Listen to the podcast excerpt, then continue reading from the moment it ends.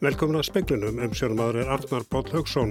Sóttvarnaðalagnir er leggur til við heilsbyrðistar á þeirra miða verði við eins metra nálaðareglu í stað tveggja metran. Þá leggur hann til að samkomur verði takmarkaðar við 200 manns í stað 100. Lögmaður konu sem hyggur á skadabótamál við Krabbameinsfélagi vegna rángra niðurstuður legháls sínatöku hefur fengið sjö fyrirspurnu vegna sambærilegra málan. Býðar eftir því að komast í endurhæfingu á Reykjalundi vegna eftirikasta COVID-19 um 20 manns er á bygglistan. Gullæði virist að hafa greipið um sig meðal viðskiptavinna Costco því allar gullstangirna sem vestlunni var með á tilbúði seldust upp á einum degi og við fjöllum um dánaráðstóð í speklinum. Niðurstöðu nýlega rannsóknar sína að það er ekki mikil hætta að fara eða áhætta að fara úr einu metra í tvo, segir Þórólu Gunnarsson sótvandalæknir.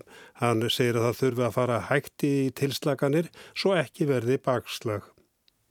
Þórólfur greindi frá því á bladamannafundi almannavarna í dag að hann hefði sendt Svandísi Svavarstóttur heilbriðisur á þrjafminnisblad með tillögum um tilslaganir á aðgerðum vegna COVID-19 innanlands. Meðal tillagna er að leifa 200 manna samkomur í stað 100 að hámarksfjöldi í sundlögum og á líkamsrektarstöðum megi vera 75% af leifilegum hámarksfjölda gesta samkvæmt starfsleifi, að 200 áhorvendur megi veri hverju hólfi á íþróttaleikjum og 200 áhorvendur verði leifðir á sviðslistasýningum. Nú verður einnig eins metra fjarlagðarregla í stað tveggja metra áður. Þórólur segir ekki stóra breytingu að fara úr tveimur metrum í einn. Við erum með eh, ný, nýlega niðurstöður og rannsóknum sem sína það að það er ekki stór breyting í áhættunni að fara úr einu metra yfir tvo metra þannig að ég held að þetta sé bara ásættalega breyting. En hversu miklu örugari er tvekkjametrarreglun heldur en eins metra? Já, það er talað um að eins, einn metr mingi líkurnar svona fimmfalt á, á smiti. Þegar farið er upp í tvo metra þá er það tífalt og þegar við erum með lítið smit í umferð í samfélaginu þá, þá er þetta ekki stór áhætta sagði Þórólfur við Ölmu Ómarsdóttur eftir fund almannavarna í dag. Áfram skal nota andlitskrímu þar sem eins metra fjarlægumilli einstaklinga verður ekki viðkomið. Á það til dæmis við um starfsemi á borð við heilbriðis þjónustu, á hárgreðslustofum, nuttstofum og í almenningssamgöngum. Þórólur leggur til að ný tilmæli taki gildi 7. september fyrr en áætlað var. Hann leggur þó áherslu á að rétt sé að slaka hægt á aðgerðum. Ég held að þetta sé þannig umhverfi sem við eigum eftir að búa við í svolítinn tíma og ég held að sé þá alveg sko, ásættanlegt að slaka aðeins á og fara hægt í það því ekki viljum við fá bakslag sem að gera það verkum við þurfum að fara að þrengja aftur þannig að við þurfum að gera þetta í hægum en örugum skrefum. Þetta var Þórólu Guðnarsson og Róbert Jóhansson tók saman. Lagmaður konu sem hyggur á skafabótamál við krabbameinsfélagi vegna rángra niðurstöðu legháls sínatökum hefur fengið sjö fyrirspurnu vegna sambarilegra mála. Tvær þeir eru frá aðstandendum kvenna sem látist af á krabbameini og einn frá aðstandendum konu sem er langt leita á krabbameini. Allar sjö fyrirspurnunar sem hafa borist Sæveri Þóri Jónssoni lögmanni tengjast konun sem fór í leghálsín og tök árið 2018, sama ára umrætt kona og fengu þá neyðu stöðu að ekkert væri aðtugavert. Allar hafa þar síðan greins með krabbamenn. Tvær fyrirspurnana eru frá aðstændendum kvenna sem nú hafa látist af völdum krabbamenns. Og svo er eitt tilvík þar sem að einstaklingur er langt leittur. Það er langt leittur að aðstandendur hafa tekið við málinu og vilja fylgja því eftir. Sævar segir að hann sé nú í viðræðin við krabbamennsfélagi vegna málskonunar sem þegar hefur ákveð að fara í skadabótamál. Síðan er náttúrulega samskipti við landlækni þar sem við erum að fara fram á að það sé gerð úttækt á einstökum málum. Það er reyndar eitt mál sem er komin á bortininn þar sem að ég ætla að óska eftir að landlækningsembætti kanni aðeins til hýtas. Er það mál einstakling sem er látin? Já, það er mál einstakling sem er látin. Þetta var Sævar Þóri Jónsson, Anna Lilja Þóristóttir, talaði við hann. Norðurlöndin hafa ekki farið eins illa út úr efnaðarskreppinu vegna COVID-19 og flest önnur Evrópuríki segir í frétt fransku AFP fréttastofunar í dag. Landsframleysla hafi dreyið saman um 15% á Evrusvæðinum en mun minna á Norðurlöndunum samkvæmt tölum Júrostat Hagstofu ESB. Viðmælendur AFP fréttastofuna segja að skjót og markvis viðbröðu stjórnvalda einkenni viðbröðu Norðurlandana þegar á heildina sér litið. Samdrátturinn í efnahagslífinu á öðrum ásfjörðungi er þó víðast meiri en dæmir um á síðari tímum. Hann voru á milli 6,3 og 8,2% að Íslandi undanskildu, þar dróst hagvostu saman um 9,3%. AFP-fréttastofan hefur eftir sænska hackfræðingnum Andriasi Wallström að það sé vegna þess að efnahagar á Íslandi sé háðar í ferðarþjónustu en annar staðar gerist á Norðurlöndum. Fréttastofan hefur einnig eftir Ernu Björgu Sveristóttur aðal hackfræðingi Arjónbanka að fá löndsju jafn háð ferðarþjónustu á Ísland. Viðmælendur AFP benda á að öll löndin hafi gripið til umfangsmikill efnahagsráðstafana til að milda áhrif af farsóttinni. Robert Bergqvist hjá SEB-bankanum segir að ráðstafanirnar hafi verið skjótar, umfangsmiklar og vel hugsaðar. Aðgerðir sambærilegar við hlutabótaliðina, frestun skattgreðsluna og önnu ríkisaðstóð hafi almennt skilað sér vel og betur en í mörgum öðrum Evrópuríkjum er haft eftir Júkka Appelqvist hjá Danske Bank í Finnlandi. Þá er bent á að velferðakerfi, góðu ríkisbúskapur og stærð hins opimbera hjálpist við að milda áhrif af COVID-19 sem og góðir innviðir sem hafi gert fólki auðveldar að vinnað heimann. Enganeysla hafi ekki dreyist mikið saman, fólk hafi haldið áfram að eyða, þannig hafi sala á reyðþjólum og ímiskonar íþróttabúnaði aukist mikið í Noregi sem og vörur til viðhals húsa og heimila. En AFP-fréttastofan bendir á að spár gerir á fyrir að samdrátturinn verði mestur á Íslandi af löndunum 5 á árunnu 2020, 8,4% en á milli 3,5 og 5% í Danmörku, Finnlandi, Nóri og Svíþjóð. Bói Ákusson saði frá. Um 20 manns býða þess að komast í meðferð á Reykjalundi vegna eftirkasta COVID-19 sjúkdómsins. Fjórir eru þegar byrjaði meðferð. Stefán Yngvarsson, frangandastjóri lækning á Reykjalundi, segir að einkinin séu alvarleg, margir séu tölvert veikir og allir óvinnu færir. Fólk er á ýmsum aldri og ekki endilega með undirleikjandi sjúkdóma. Líklið sé að fleiri þurfi á þessari meðferð að halda á næstunni. Það eru áttamann sem að höfum tekið svona í mat og göngudelt til að fara aðeins yfir þeirra enginni og hvernig maður er best að hjálpa þeim. Helmingunum af þeim er byrjaði í meðferð. Þannig að það er nokkur hópur, 80-20 mann sem að, á eftir að koma til okkar. Er þetta fólk almennt alvarlega veikt? Já, þetta eru veikindi sem eru þannig að, að fólk er ekki vinnufært. Fólk er ekki rúmlingjandi en fólki líður illa. Það er úthalslítið og og, og er alls ekki komið í sitt fyrra, fyrra form. Sæði Stefán Yngvason í viðtali við Jóhann Bjarnar Kolbinsson. Costco í Garðabæi er farið að selja gull í 20 til 100 grammar stöngum. Alls voru 6 stangir bána til sölu í fyrra kvöld en þær seldust allar í gær. Costco sendi viðskiptafinu sínum tölvuposta þrjúðutaskvöld þar sem vaki var aðtikla á tilbóðum verslunarinnar. Þar kennir ímissa grasa en þar eru bóðin verkværi, legójeppar, reggjakkar, skór, sjómörp og sófar, svo eitthvað sé nefnt. En þar er líka tilbóð á gullstöngum í þremur starðum, 20, 50 og 100 gramma og fylgir sögunni að fleiri þingdir séu fáanlegar. Þetta sé í bóði á meðan byrðir endist. Samkvæmt upplýsingu frá starfsmanni Costco komu tvær stangir í hverju þingd og er allar seldar. Tilbóð Costco var sendt eftir lókun á þriðudag og seldust því allar sex stangirnar í gær. Starfsmæðin sagði að nánast öll símtöl sem hann hefði tekið á móti eftir að auglýsingin byrtist hefðu verið fyrirspurnir um gullið og bætti við að meira gull væri vantanlegt. Verðið á 20 gramma gullstöng var 224.000 krónur 50 grammar stöngin kostaði 550.000 og 100 grammin 1.120.000. Samtals seldust því samkvæmt þessu gullstangir fyrir 3.788.000 krónur í Costco í gær. Forsvarsmenn Costco hér á landi vildu ekki tjá sig frekarumálið við fréttastofu í dag. Verðið á gramminu í þessu tilbóði Costco er rúmlega 11.000 krónur. Heimsmarkasverð á gulli breytist í sífellu en klukkan 16 í dag var það skráð 8.630 krónur grammið á vefsíðinni goldprice.org.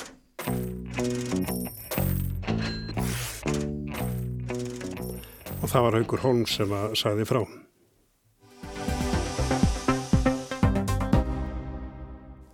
Sangvað nýri skýslu heilbreyðisáþra hefur stöðningur við dánar aðstóð aukist meðal heilbreyðistarsmanna hér á landi. Síðasta viðhórskonun til þessa viðkvæma málaflóks er þó orðin 10 ára gömul. Þá taldum 15 lækna og hjókunarfræðingar réttlætanlegt undir vissum kringustæðum af aðstóða sjúklinga við að deyja fremur en að lifa. Á, almi, á almennings var hlutvalli mun herra í konun fyrir fimm árum.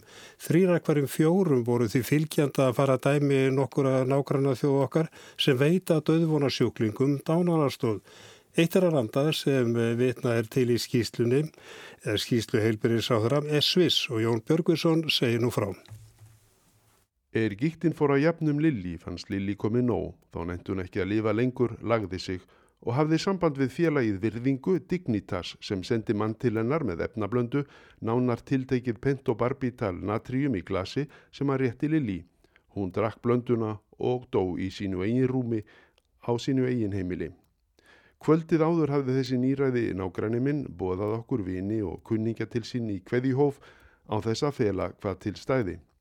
Það var fremur kátt á hjalla, ég spurði Lili hvort hún velti ákverðin sin ekki tvísar fyrir sér þarna sem hún gekk á milli manna að því virtist nokkur hress og umkringt ást og vinskap.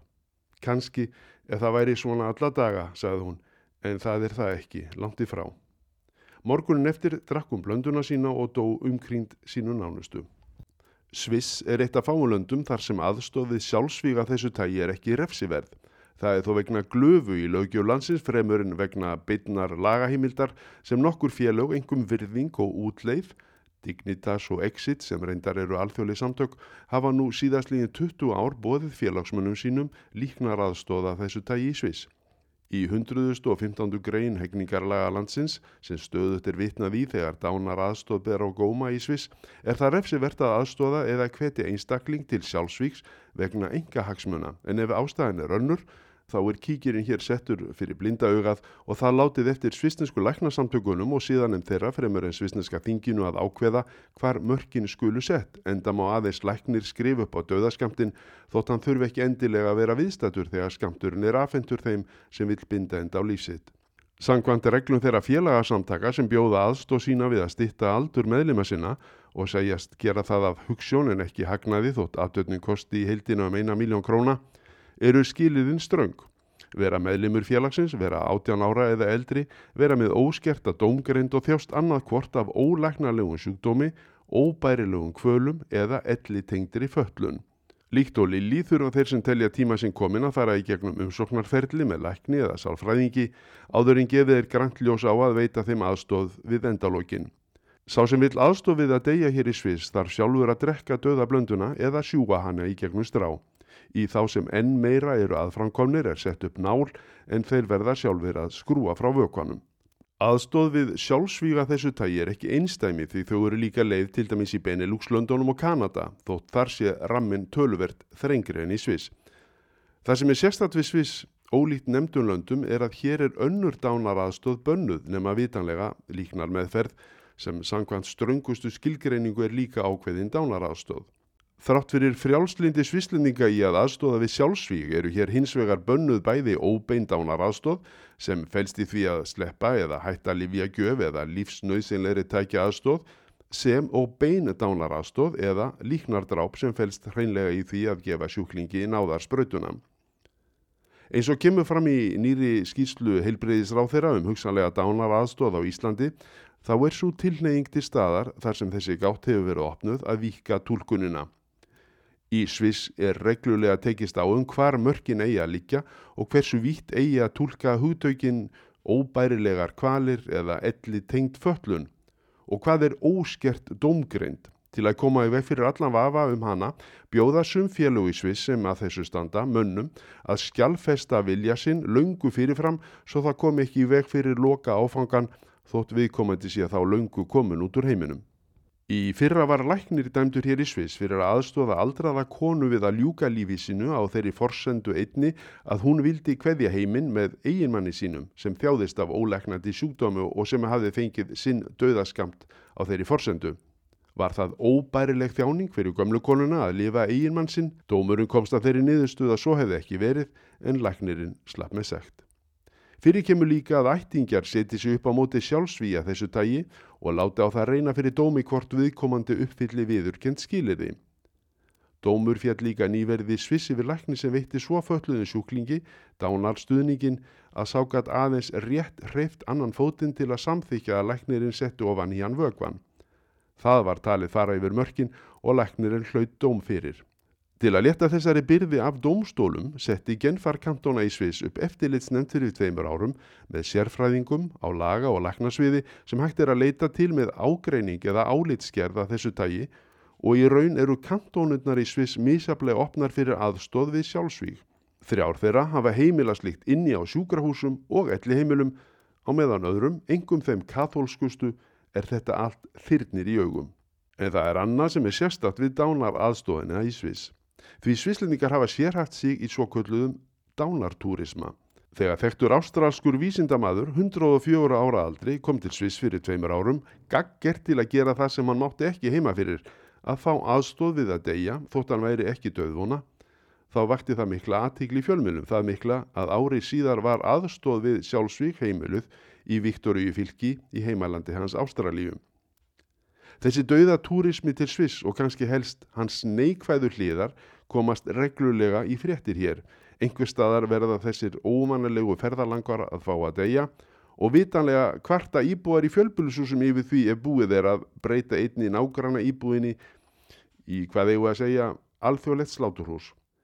Til að leysa þennan húsnæðisvanda var einn félagskapurinn því búin að koma sér í staðin upp nokkus konar sjálfsvíks sendibíl sem þótti ekki minna virðingarleysi og á tímabili leiti læknaskortul til þess að ekki fengust ávísu liv og hinnum degjandi var því gert að anda að sér helium úr plossboka sem olli enn einu fjölmila fárin í Svís.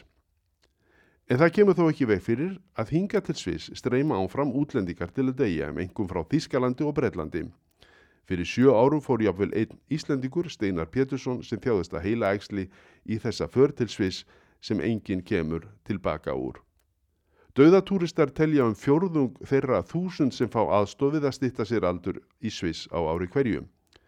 Sjálfsvígin sem aðstofað er við eru um 1,5% af öllum döðsföllum í Sviss sem eru raun svipa hlutvall og önnur hefðbundnar í sjálfsvígi í landinu. Eða eins og Charlie Chaplin sagði stuttu fyrir andlátið þegar hann var spurður að því hvort gott væri að lifa í Sviss. Ég get ekkit fullirt um það en hitt er í vissum að hér verður gott að deyja. Þetta var Jón Björgvinsson í Sviss. Það var Bryndís Haraldsdóttir þingmaður sjálfstæðisflokksins á samt nýju öðrum þingmannum sem báðum skýslu um dánarástóð. Heilbyrjistur á þeirra hefur lagt hana fram á alþingi.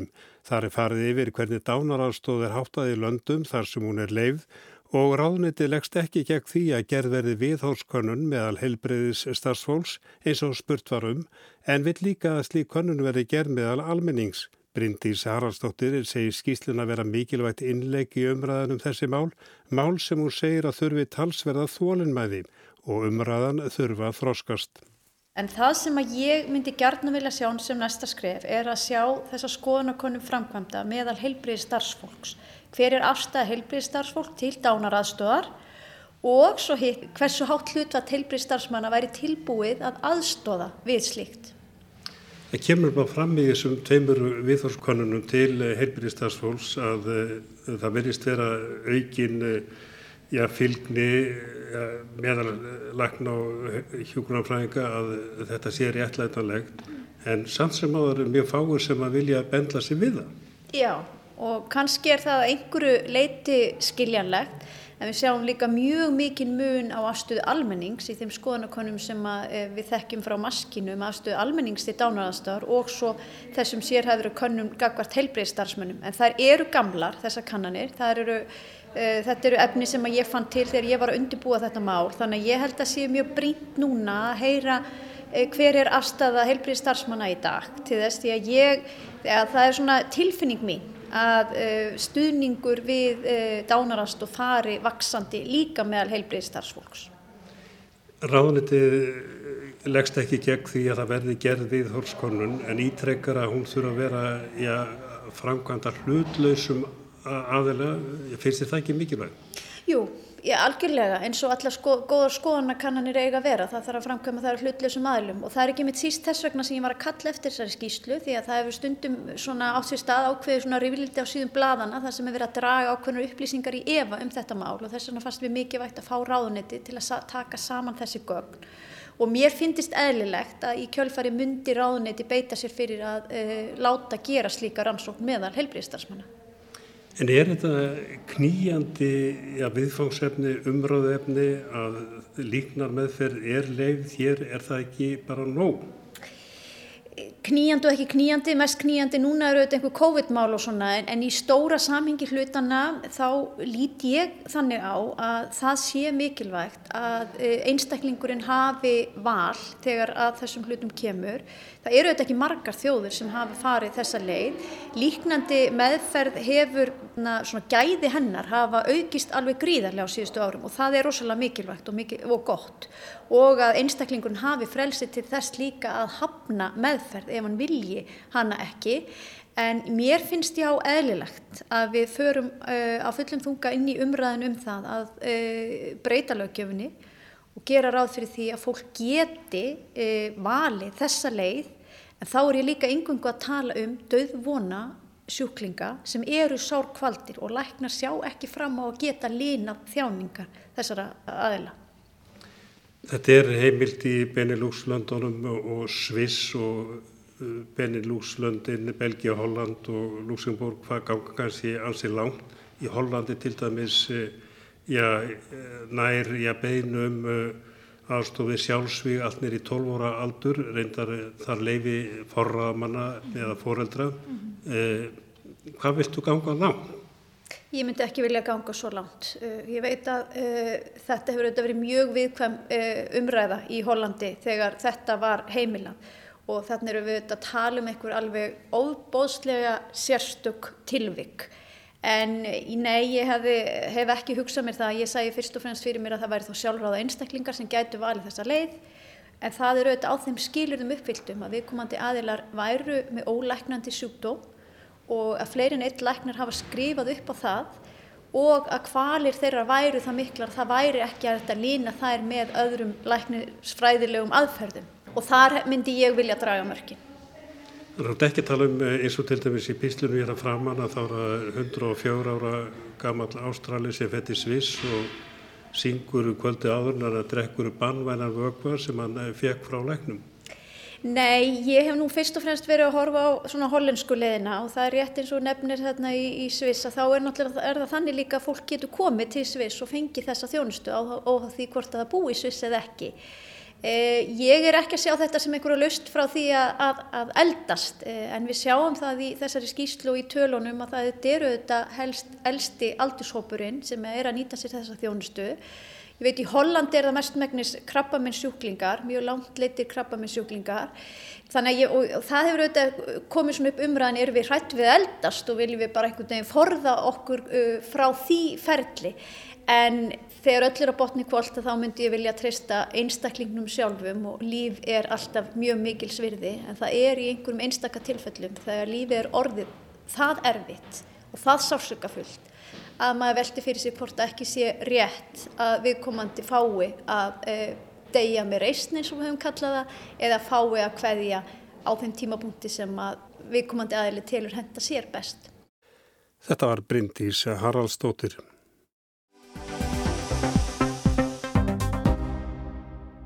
Nauðganir og annað kynferðislegt ofbeldi er daglegt brauð í gallabugsnaverksmiðum í Lesotho í Suður Afríku. Kröfur um úrbætur urðu háværar eftir að landlæg misnótkun komst í hámæli en COVID-19 heimsfaraldurinn hefur lamað réttinda baráttu hvenna í Lesotho.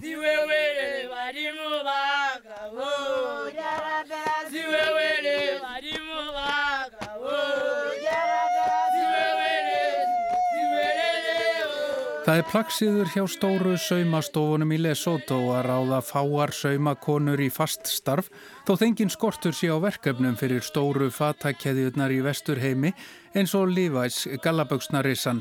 Fátækar konur flikkjast í daglega aðverksmiðunum í vonum nokkura klukkustunda vinnu þann daginn. Þær eru kallar dagdömurnar eða dailies.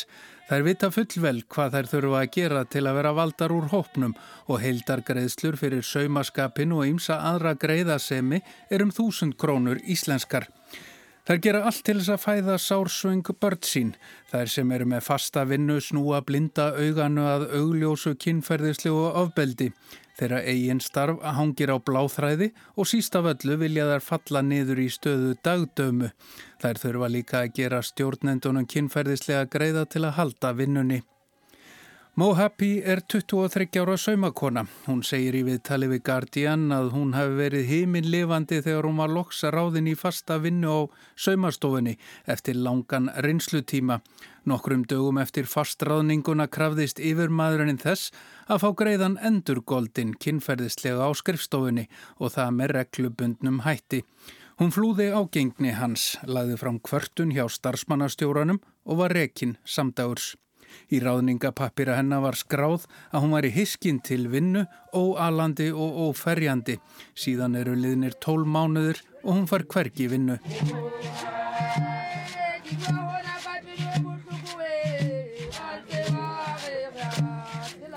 Fataðiðnaðurinn skiptir sköpum í Lesotho á stendur undir 20% af þjóðarframleiðslu. Í fyrra gáfu réttinda samtöku verkaliðsins út skýslu sem síndi fram á umfangsmikið kynferðislegt ofbeldi, nöðganir og áreitni í helstu fataverksmiðum landsins. 120 konur frá þremur stórum fataverksmiðum í landinu lístu því í skýslunni að þær hefðu þurft að stunda kynlíf með yfirmönnum sínum til að halda vinnunni. Sumum var nöðgað á vinnustaðnum, aðra smituðust af eðni eftir samfarir við yfirmenn sem heldu aftur launum þeirra þar til að letu undan vilja þeirra. Þær sem kvörtuðu voru reknar. Eigandi þessara verksmiðja er tævanska fyrirtæki Nian Singh sem framleiðir fyrir Levi's, Wrangler og The Children Place. Þessi þekktu vörumerki höfðu látið kanna ástandið í verksmiðunum en sáu ekkert aðtugavert. Misnótkunnin í Lesotho er ekkit einstæmi. Saumakonur í sambærilegum fataverksmiðum á Indlandi, Brasilíu, Mexiko, Sri Lanka, Tyrklandi, Bangladesh og Vietnam eru einnig áreittar kynferðislega og þeim nöðgað í verksmiðum sem framleiða född fyrir þekkt alþjóðleg vörumerki. Í skýslu Aksjón 1 frá síðasta ári kemur fram að 80% allra saumakvenna í Bangladesh hafa verið beittar kynferðislegu ofbeldi á vinnustaf.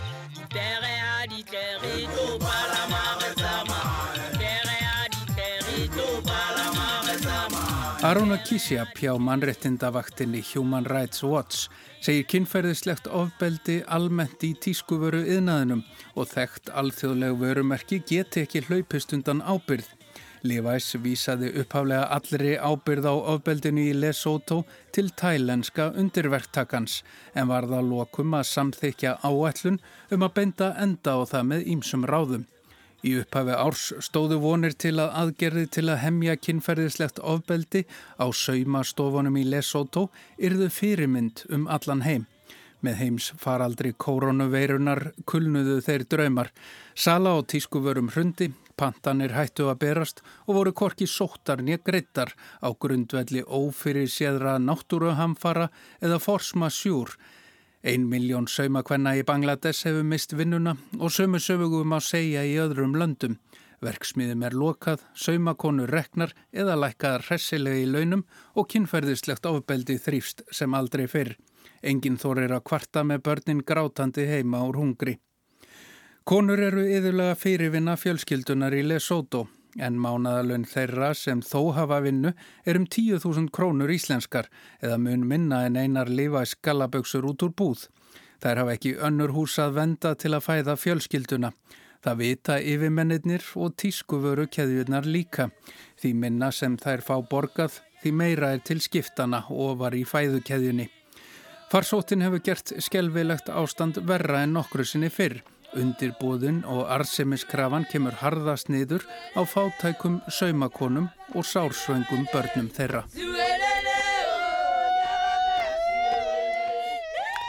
Og það var Pálmi Jónusson sem tók þennan pistil saman og við minnum á það að það verður sagt frá því í sjómáfsveitum klukkar 7 að bændur víða fyrir norðan og austan hafa ávíkjör af fjevegna snjókoma á heiðum Menn hafa reynd að flýta göngum þar sem hægt er eða reka niður á fjalli.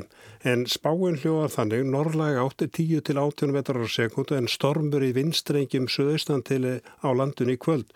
Þurft að kalla á söður og vesturlandi, víða rigning í öðrum landslundum og talsverðið að mikil rigning norðaustan til í kvöld með slittu eða snjókomi í meirinn 300 til 400 metra hæð yfir sjáamálinn. En það er ekki fleira í speiklunum, tæknum aðri kvöld var Mark Eldred verðið sæl.